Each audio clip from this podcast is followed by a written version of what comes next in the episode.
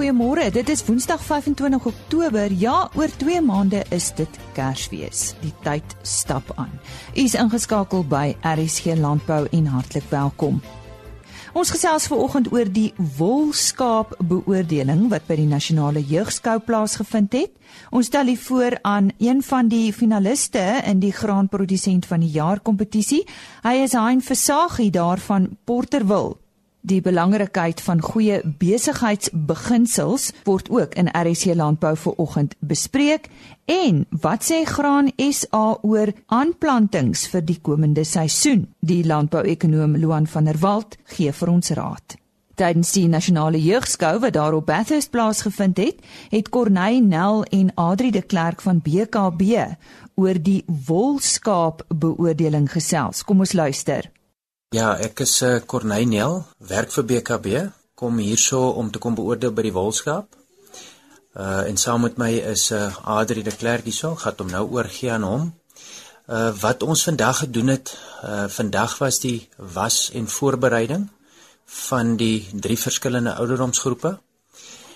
En uh soos ons vanmiddag vir die kinders gesê het, uh die hele idee rondom die dag is ons beoordeel die kinders maar ons baseer die hele prinsip van die skou is hulle moet vir ons die diere so goed as moontlik voorberei sodat 'n mens die diere so goed as moontlik kan uitstal. So die idee is dat die kinders dan nou dit vir ons moet doen. So ja, ons doen nie ons on, onmoontlike of die on uh smaaklike om die kind te beoordeel in dit wat hy doen, maar die kind moet onthou hy moet die diere vir ons so mooi as moontlik voorberei vir 'n skou. Ehm um, deur die dag het ons met die kinders 1 tot 1 gepraat en ons het uh vir hulle natuurlik persoonlik raad gegee hoe hulle hulle self kan verbeter, soos 'n mens sê uh opbouende kritiek gegee. En uh ons hoop dat hulle daardeur kon le leer om hulle self te verbeter. Vandag se voorbereiding en was is mos nou natuurlik opbouend vir môre, vir môre se skouman soos ons sê, dan gaan ons nou fisies die kinders laat draai bewegings doen. So ehm um, alles is opbouend vir punte. Hulle het vanoggend eksamens gedoen, toetse geskryf. Alles is vir uh, punte en dan word die uh, wenners aangewys in die verskillende ouderdomsgroepe. Ehm um, en dan uh, kan ek vir Adri vra om dalk moontlik uit te brei daarop. Baie dankie Corney. Ehm um, ja, ek dink dit is 'n uh, uh, uh, die skouman is 'n ongelooflike geleentheid uh om die die kindse dissipline wat hy die hele skou dan moet handhaaf ook aan ons weer te gee. Ehm um, jeugskou is gebaseer op dissipline. En en ek dink die kind wat dit kan wat die beste dissipline kan handhaaf op 'n een van die dag is die kind wat gaan bo uitkom. Ehm um, ons moet onthou dat ehm um, die kinders werk met lewendige diere en daar is baie keer emosies binne die diere wat die kind moet kan hanteer. Ehm um, so met ander woorde, hy moet 'n aanvoeling hê om met diere te kan werk. En ehm um, ja, dit is die kuns en dan oor konsentrasie vermoë wat die skouman aanbetref, dink ek is belangrik. Ehm um, nie net by die skouman nie, ook by die was en die voorbereiding wat Corneil oor gepraat het. Ehm um, uh hoe meer konsentreer hoe meer die kind konsentreer, ehm um, hoe beter doen hy op die ouend van die dag. Ehm um, ek dink ons is nou albei seker vir die laaste 6 jaar betrokke by by by die nasionale jeugskou, 6 7 jaar en uh ek dink die standaard wat ons het hierso begin al beter te raak. ek dink ehm um, die standaard is sover baie hoog. Ons is maar nog net by dag 1, maar ek dink die standaard is baie baie hoog. Ehm um, nie noodwendig dat die beste kinders nog beter raak nie, maar ek dink die kinders kom nader aan mekaar en dat die kompetisie beter raak nader aan mekaar. So ehm um, ja, dit is lekker en ons sien hoe die kinders groei. Ehm um, ons sien hoe die provinsies groei en ons as beoordelaars groei saam. Ehm um, ons sien hoe hulle dit geniet en ehm um, ja, hoe hulle die diere se hantering ook uh, dan opskerp. Ehm um, ek uh, glo dat môre 'n dag sal wees vol verrassings en vol positiewe resultate. Ja, dankie Adri. Net weer uh, van my kant af. Ehm uh, uh, iets wat ons net moet noem is die kinders werk van 'n handleiding af net soos wat ons beoordelaars ook uh, doen. So uh, dit is maar net nog 'n teken van die dissipline wat 'n uh, ehm um, deel is van die jeugskou. Ehm um, alles word streng volgens handleiding gedoen en daar's daar's daar's reëls en reëls moet hier gevolg word en ons beoordelaars beoordeel ook streng volgens die reëls. Ehm um, daar is sekere dinge wat ongelukkig moet aangekoop word en ons weet die ekonomie deesdae is nie maklik nie en ons gee ook die raad hier vir die kinders dan waar jy iets kan leen, jy hoef dit nie eers te koop nie. Ons wil nie hê dat iets soos 'n skoppie wat nie deel is van jou van jou uh gereedskap maak dat jy nou hier laaste kom in plaas van eerste nie. So ons gee ook maar die raad dat die kinders moet leen onder mekaar. Maar dis sommer een ding wat net in my kop opgekom het. Ehm um, verder ehm uh, ja, soos Adri gesê het, ons sien uit na die dag van môre. Ehm um, enige iemand is welkom om vir myself te kontak vir enige raad of enige bystand. Ons help graag, ons werk graag met die kinders.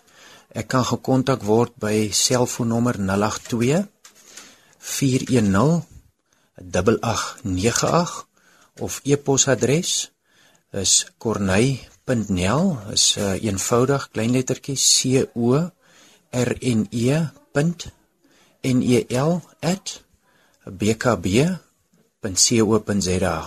en Adri wil nog net sy besonderhede ook net deurgee. Dankie Corney. Ehm um, ja, van my kant af net om af te sluit, dink ek is ook belangrik om uh, vir die borge baie dankie te sê vir die ongelooflike voorreg wat ons as beoordelaars kan hê om met so 'n groot groep kinders te werk en en en natuurlik die platform te skep vir kinders um, om hulle self uh, hulle talente ook op so 'n manier weer te gee. So ons sê vir al die borge baie baie dankie. Ons um, uh, glo dis 'n lekker pad om saam te stap. Ja, julle kan my kontak by uh, selfoonnommer 082 825 3892 of e-posadres adri@adri .deklerk d e k l e r k by bkb.co.za. Dit was dan Corneynel en Adri de Klerk van BKB wat oor die wolskaapbeoordeling by die nasionale jeugskou gesels het. Daar was 3 finaliste in vanjaar se Graan SA graanprodusent van die jaar kompetisie. Een van die finaliste was Hein Versagie. Hy en sy pa Willem Versagie boer daar op Porterville. Ons hoor so 'n bietjie meer oor hulle boerdery. Môre almal. Ehm um, ons is hier so op Porterville, ehm um, hier in die Weskaap. Ehm um, die plaas wat ons op gekom het, het so van die 1800s, middel 1800s eintlik begin werk vir mense bywoners gewees. En toe in 1918 het ons die plaas gekoop En daarvan af maar geboer tot nou toe is ek die vyfde geslag, my seuntjie is my sesde geslag gewees. Ja, kom al 'n tydjie aan. Ehm um, ek is al 8 jaar op die plaas, paar boere al 42. So ons ons kyk vorentoe. Sjoe, ja nee, dit is darem 'n lang geskiedenis. Nou ek sien jy het bekom studeer voor jy teruggekom het plaas toe. Uh hoekom, uh, Hein? Lise, dis eintlik ehm um, omdat ek eers nie wou kom boer nie om eerlik te wees. Ehm um, dit ek het gedink die versyfers kos gaan swak syfers. Maar as jy so 'n tydjie gewerk het in daai bedryf en nie op die plaas jy kom jy agter dat jy wat jy verlang maar vir eintlik lief is. En dis ek terug plaas toe en baie dankbaar daarvoor vir die werk. Ehm um, mens laat besef dat jy moet eintlik iets gaan swarte gaan doen na jy die skool het gekom. Nie omdat dit plaas toe kom. Dat jy net vir ander baas kan werk en kan besef dat jou pa nie die slegste baas in die wêreld is. ja, gou daarvan en ek dink jy gaan 'n uh, goeie reaksie op daai antwoord kry. Wat verbou julle Hein en waaruit bestaan julle boerdery besigheid? Ons is uh, maar baie beperk, so ons boer maar met koring en houla. En dan het ons 'n bietjie gasbranders begin eksperimenteer vir jaar. En dan ehm um, moet ons havergooi maak met die grond wat ons regte kan benut en 'n paar engelsbeeste. Vertel van die wisselboustelsels wat jy toepas. Ja, ons ons wisselboustelsel, ehm um, dink ek is 'n goeie een. Ons is op twee derde skoon en ehm um, canola. So ons pas dit op ons alles grond toe. Ehm um, ons ons het nie grond wat ons nie wissel nie. Ehm um, so ons ons besigheid werk eintlik baie lekker. Ehm um, dit is die een kampie wat ons nou sê is 'n goeie wisselboustelsel na staan medics op nie. Dit is 'n hele plaas toegepas. Glo julle in geen bewerking? Dit is 'n baie sensitiewe onderwerp vir my eintlik. Ehm um, ja, ek dink daar's niks fout met die teorie daar agter nie. Die prakties is dit by ons nie so 'n goeie ding om te doen op die stadium nie. Ons sukkel nog met te veel goed, dit is met uit tot hier voorskom begin bewerking. So ons is pas minimum bewerking op die stadium toe met ons planters.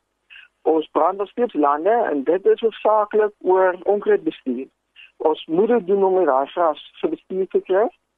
En dan het ons 'n uh, uh, probleem met ploebanke. So ons maak so een keer in 3 of 4 jaar kom ons nog met 'n ripper deur die grond en maak die grond dieper los.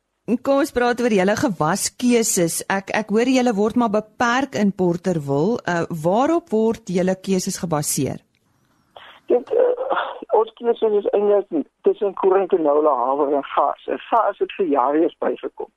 Wat SAB vir die Swartlandse boere ook kans gegee het om gas te plant. So eintlik kan jy as jy op 'n drooglandstelsel net een van daai produkte plant en dit maak op die ouens jou keuse van produkte moeilik vir die wisselboustelsel waarvan ons vroeër gepraat het. Dit ehm um, eintlik kan ons meer kies uit wat se kultivar koring jy wil plant en wat se kultivar canola jy wil plant eerder as wat se produkte jy wil plant. Dit is sin maak met so te sê. Nou ek wil so 'n bietjie gesels oor daai canola aanplantings van julle. Deel met ons julle geheim eh, wat julle toepas om water optimaal te benut. Okay, die canola aanplantings is uh, baie moeilike ding partykeer om te bestuur. Dit is nie 'n maklike gewasie. So ons het um, so baie terug gesien canola op groei 90 grade as jy op die bank kom. Dis hoekom ons die rippers gekry het en die rippers begin inspann het om daai bank te probeer breek sodat die canola wortels begin reguit afgroei. En die rippers het toe gemaak dat dit wel gebeur het en ons sit op 'n tuislaan in die winter met te veel water in plaas van te min. En dit het ons dreinering ook baie verbeter saam met die waterhou vermoë van die grond. Ehm um, so ons is baie tevrede daarmee. Dan het ons agter die plant af agter die rippers rolle wat as jy kleite in die saadbed mooi voorberei. So 'n verskriklike goeie ding is kan nou hou van 'n lekker fyn saadbed. Plant ons so vlak as ons kan in daai saadbed. Want ons plante is dan nie meer rippers waar verby swartland boere gebruik jy dis dan net 'n plante vir die saadjie plaas. Ehm um, dan uh, ander belangrike ding sê ek sê baie manne maak nie hulle plante dik en dan kompeteer die canola plante so hard met mekaar vir die vog wat daar is dat hulle eintlik mekaar se doodgroei. So ek ek sou sê jou plante het meer as 3 kg hektaar is. En dan wat ons ook besou doen is ons saai chips. So 400 kg chips voor ek canola uit. Net om die swaar wat in die grond nodig is 'n bietjie op te steek. En ja, ek dink die planters is dan 'n ander ding wat ook 'n baie groot verskil gemaak het uh, om die grond se tekstuur en alles lekker op te bou om die waterhou vermoë van die grond te verdien. Ons gesels baie lekker met jou. Baie dankie Hein. Daar was uh, nou die afgelope paar jaar baie uitdagings vir julle boere, veral koringboere. Uh, ons dink nou maar aan droogtes, ons dink aan uh, probleme met tariewe. Uh, waarop fokus julle om volhoubaar en positief te bly? Om volhoubaar te bly, is die belangrikste ding dink ek vir ons is om konservatief te wees. Om nie te veel te gou te groot aan te pak nie. Ehm um, dan beplan ons om 'n sukses te maak. Ons beplanning is ons baie belangrik. Ons be begrotings in enige ding wat jy kan dink om ons die regte besluite te help neem. Ehm um, ons beplan om 'n sukses te hê. En dan om positief te bly, ehm um, ek dink die as 'n oom in Vrystaat wat vir ons eendag 'n baie goeie les geleer het. Hy het vir ons gesê jy boer voluit. Jy boer altyd voluit. Die oomblik as jy nie voluit boer, dan gaan jy agteruit. Al bestaan nie ding soos halfpad boer. So met dit in gedagte, saam met die feit dat dit eintlik relatief nog goed by ons lyk in die droogte. Hier is boere wat sin baie sleg as ek lyk. So op die stadium klaar ek sê moet dit tot onder arm as ek moet klaar. Ehm dis nou wat ons moet positief hou. Een van die finaliste in vanjaar se graanprodusent van die jaar toekenninge en dit was Hein Versagie wat oor Versagie boerdery gesels het en hulle is daar van Porterville. Ons sluit nou aan by Henny Maas. Ons uh, gesels met Pieter Du Plessis. Hy's 'n uh, besigheidsafrigter en ons praat met hom in die algemeen oor besigheidsbeginsels. Nou uh, Pieter in in uh, enige besigheid is is dit 'n belangrike beginsel om sedert die stigting van die onderneming al die einddoel in uh, in oorweging te neem. Uh, waarom is dit so belangrik? Wat presies behels hierdie beginsel?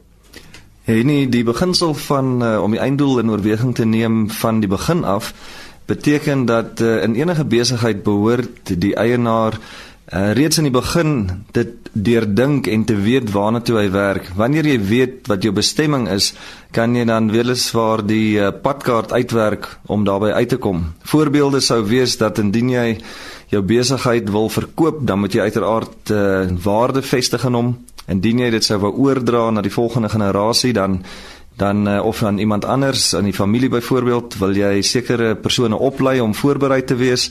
As jy 'n leefstyl besigheid wil bou en uh, bedryf dan moet jy die nodige stelsels en dinge in plek sit. So dit uh, help jou net om voorberei te wees op die toekoms maar natuurlik dinge verander so in die loop van die tyd nê nee. korrek dis heeltemal waar. Omstandighede verander en uh, verhoudinge binne in die konteks kan verander, nuwe geleenthede mag hulle self voordoen, dan is dit uh, baie nodig of belangrik om uh, van tyd tot tyd jou beplanning of jou vooruitsigte te hersien en uh, al die uh, belanghebbendes of rolspelers op hoogte te bring en uh, die nodige aanpassings te maak.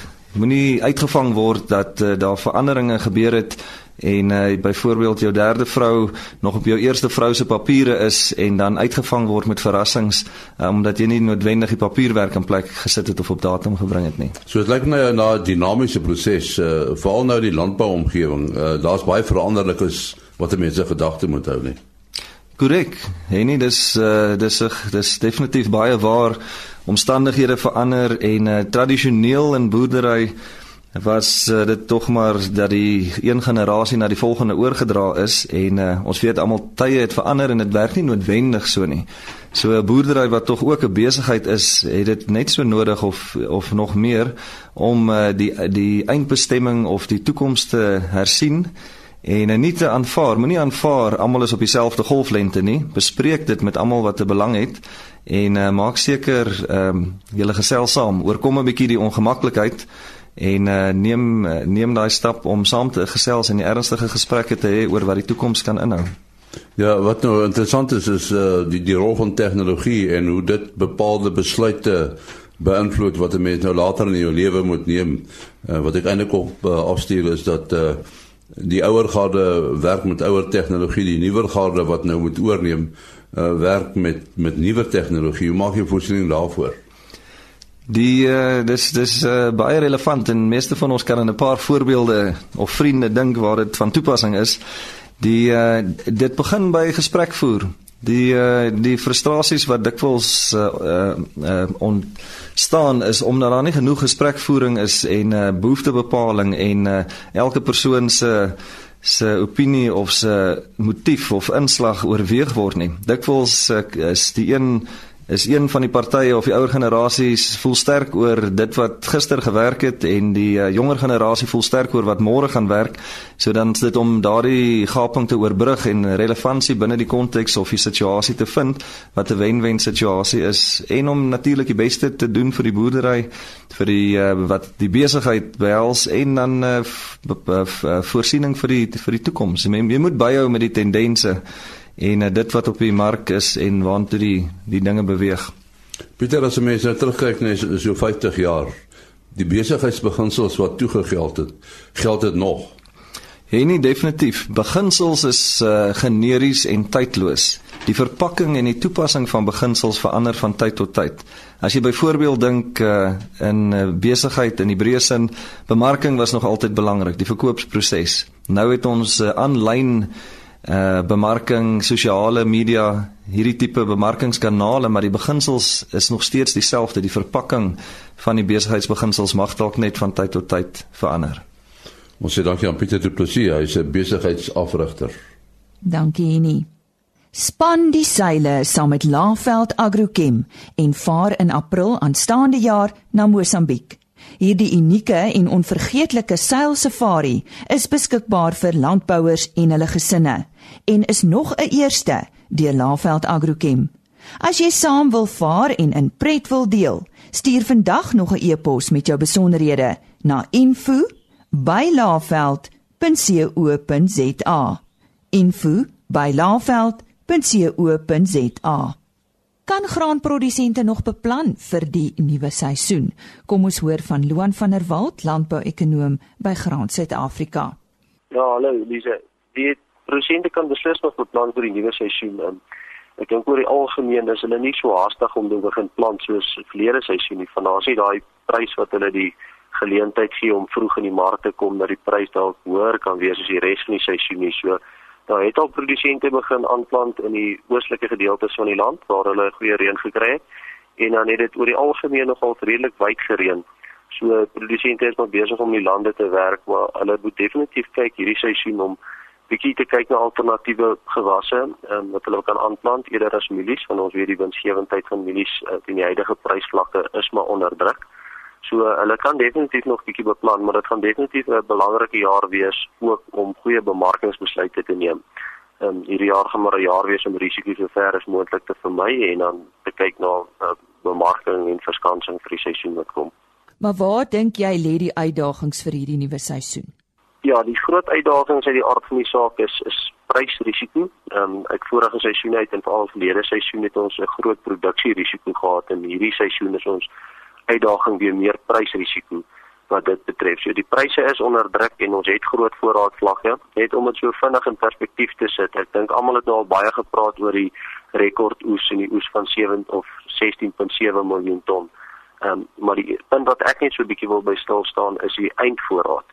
Nou die eindvoorraad is die hoeveelheid mielies wat dan nou oorgedra word van hierdie bemarkingsseisoen na die volgende bemarkingsseisoen toe. Nou volgens die nuutste uh, vraag en aanbod syfers is daai syfer omtrent so amper 4.5 miljoen.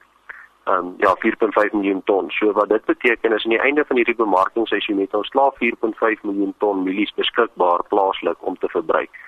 Nou as ons kyk na ons gemiddelde verbruik per jaar van amper so 11 miljoen ton, dan is 4.5 miljoen ton omtrent 40% van ons gemiddelde plaaslike verbruik in Suid-Afrika in die algemeen waarmee die mark gemaklik is, is dit hieso so tussen 10 en 12% uh oordragvoorraad van plaaslike verbruik. Nou op hierdie stadium sit ons met 'n 41% oordragvoorraad. So dit is omtrent 10 keer meer as waarmee die mark of gelukkig is of gemaklik is dan nou.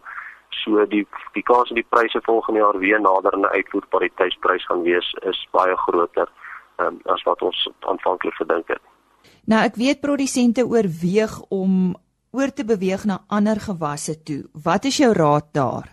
Ja, as produsente oorbeweeg na ander gewasse toe, veral na kleiner gewasse soos grondbone en sorghum, is dit baie belangrik dat produsente in gedagte moet hou daai markte is ook redelik beperk in Suid-Afrika in terme van die verbruik. So die verbruik is nie so groot daarvan nie ons gemiddelde verbruik vir grondbone is maar so so 65000 ton per jaar en vir sorghum so 170000 ton per jaar.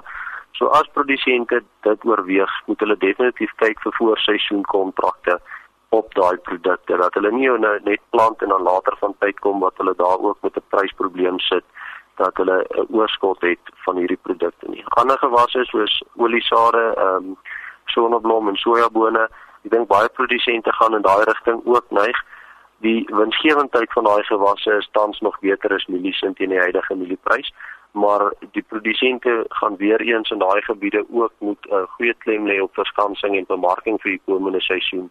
Ehm um, as jy ten minste jou jou vaste koste of jou veranderlike koste eerder kan dek, ehm um, moet jy vasmaak teen pryse wat jy ten minste jou veranderlike kostes eers kan dek.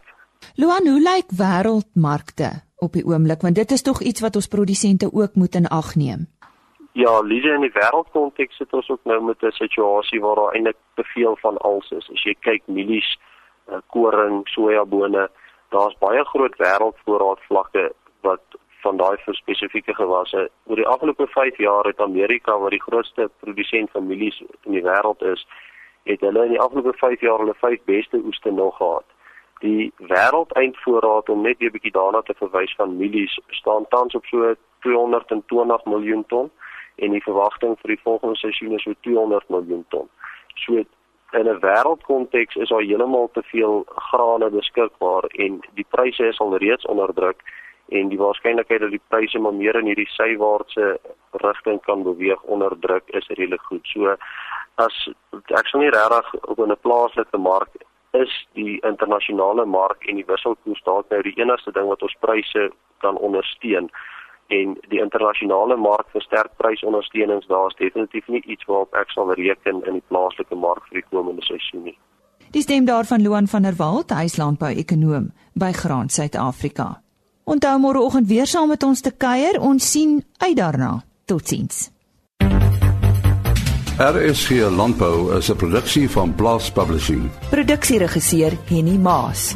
Aanbieding Lisa Roberts en 'n notas koördineerder Jolande Rooi.